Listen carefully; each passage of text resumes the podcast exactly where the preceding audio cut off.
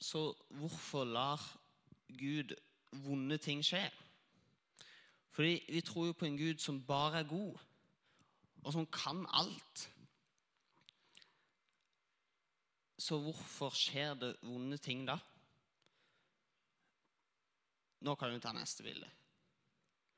Det er et problem som de kaller for det ondes problem. Og det lyder eh, Gud fins. Gud er god og allmektig. Det fins noe som er ondt. Derfor finnes det ikke en god og allmektig Gud. Eh, og det gir jo på en måte mening. Eh, fordi hvis Gud er god og allmektig, så har han bare tatt vekk det onde med en gang. Men denne forklaringa er litt halvert og ikke helt ja, Det er ikke en så god forklaring. Fordi hvis jeg får et spørsmål som jeg bare kan svare ja eller nei på Martin, har du slutta med narkotika? Kan bare svare ja eller nei. Hvis jeg sier ja, jeg har slutta med narkotika, så betyr det at jeg brukte narkotika før, men ikke gjør det nå lenger. Og hvis jeg sier nei, så betyr det at jeg bruker narkotika. Men jeg har jo aldri brukt narkotika, tro det eller ei. Eh, men det, la, det spørsmålet lar ikke det være et alternativ. For hvis konklusjonen er at det onde fins, og det kommer aldri til å bli tatt vekk, eh, så er den formuleringa helt perfekt spot on. Men det onde kommer til å bli utrydda en dag. Det kommer til å bli tatt vekk. Skal vi se om det funker nå. Nei. tar vi neste bilde. Han skal tørke bort hver tåre fra deres øyne, og døden skal ikke være mer. Heller ikke sorg eller skrik eller smerte, for det som en gang var, er borte. Men hvorfor venter Gud så himla lenge på å ta vekk alt som er ondt? Kunne han ikke bare gjort det med en gang og så bare blitt ferdig med det? Hipp hurra med en halleluja. Det er, hadde jo vært ganske nice. Men ifølge Bibelen så det, det, som er ondt, det er en del av oss alle sammen. Så hvis du tar neste For alle har synda og mangler Guds herlighet. Per definisjon så er vi høres kanskje litt rart ut, men vi er på en måte onde alle sammen. Fordi ingen av oss er jo perfekte. Så hvis Gud tar vekk alt det onde, så tar han vekk meg også. Han tar vekk alle dere òg. Og Gud ønsker ikke det. For hvis du tar neste. Fordi Herren er ikke sen med å oppfylle, oppfylle sitt løfte, som noen mener. Nei, han er tålmodig med dere. For han vil ikke at noen skal gå fortapt, men at alle skal nå fram til omvendelse. Du tar neste. Men hvorfor opplever jeg disse vanskelige tingene? Hvorfor er det min mamma som må være syk? Hvorfor er det jeg som må bli mobba på skolen? Hvorfor meg? Hvorfor kan ikke noen andre bare vær så snill? Og det er et kjent engelsk ordtak. What doesn't kill you, makes you stronger. Veldig bra. Fordi du vil aldri møte en utfordring eller en eh, prøvelse, eller hva enn du skal kalle det her i livet, som du ikke klarer å komme gjennom. Aldri. For Gud er jo rettferdig, og Gud er god. Og hvis Gud skulle gi deg en utfordring som du ikke klarer å takle, så er det urettferdig. Og Gud er ikke sånn. Hvis du tar neste bilde Jakob 1, 1 2, 3. Det syns jeg er gøy. Se det bare som en glede når dere møter alle slags prøvelser. For dere vet at når troen blir prøvet, så skaper det utholdenhet. Vi blir litt sterkere av det. Og vi tåler litt mer.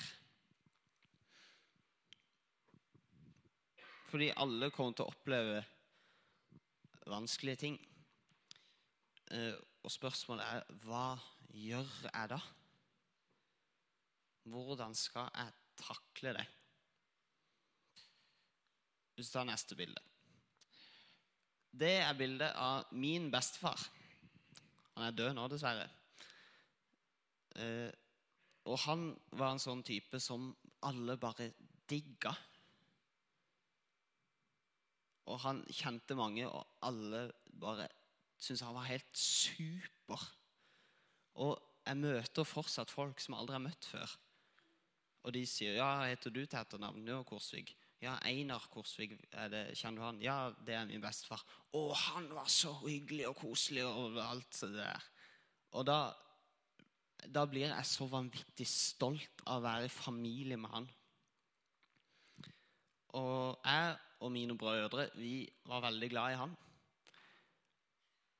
Og vi overnatta hjemme hos han og bestemor, og vi var mye på besøk. Vi spiste mye middag der. Og så en lørdag i oktober, kan det stemme? Ja, min bror nikker, så er det sikkert sant. Eh, så hadde vi vært på leirskole på Bringsvær. Eh, og så får han det som heter hjerneslag.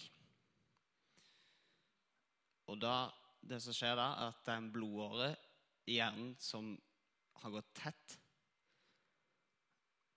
Eh, og det gjorde at han ble lam i hele venstre side. Eh, og han kunne ikke spise sjøl, han kunne ikke gå. Og det ble vanskelig for han å prate vanlig, og det ble veldig mye mumling. Fordi han var lam i halve fjeset. Og vi vi i familien vi ba og vi ba og vi ba og vi ba og vi ba og ba, ba, ba, ba. Kjære Gud, nå må du gjøre bestefar frisk. Amen. Og i de to årene her da, så ble han på en måte ikke noe friskere, han ble bare sykere. Og så var det en uke før han døde, hvor vi visste på en måte Ja, nå nå dør han snart. Eh, og da valgte jeg å være sinna på Gud. Hvordan kan du la dette skje med meg, med oss? Hvis du er så god og så allmektig som du påstår, så må jo du klare å gjøre han frisk. Bestefar døde 15.11.2018. Hvis du neste bilde. For det hjelper ikke å bli sint på Gud.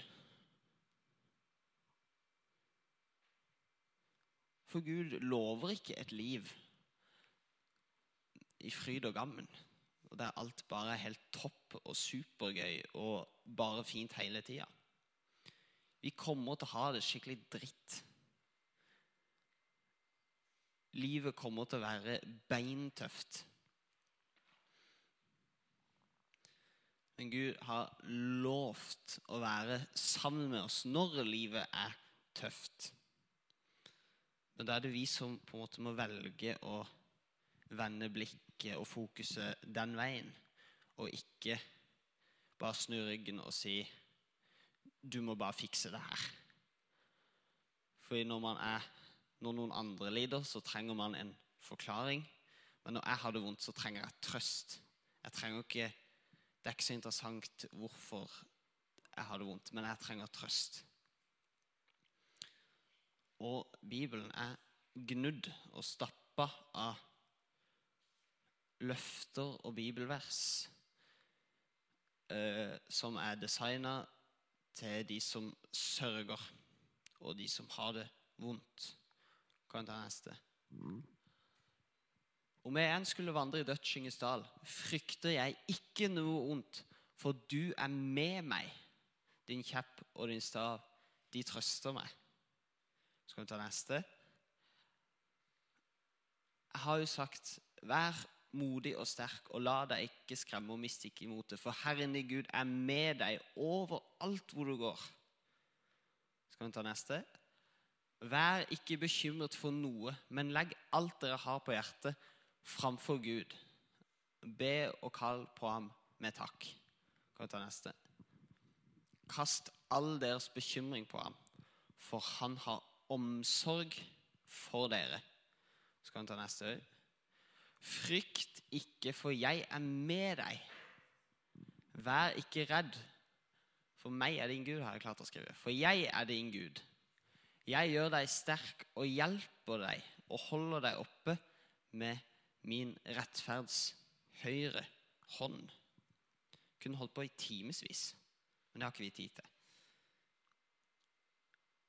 Jeg tror jeg kanskje brukte under ti minutter på å finne disse versene.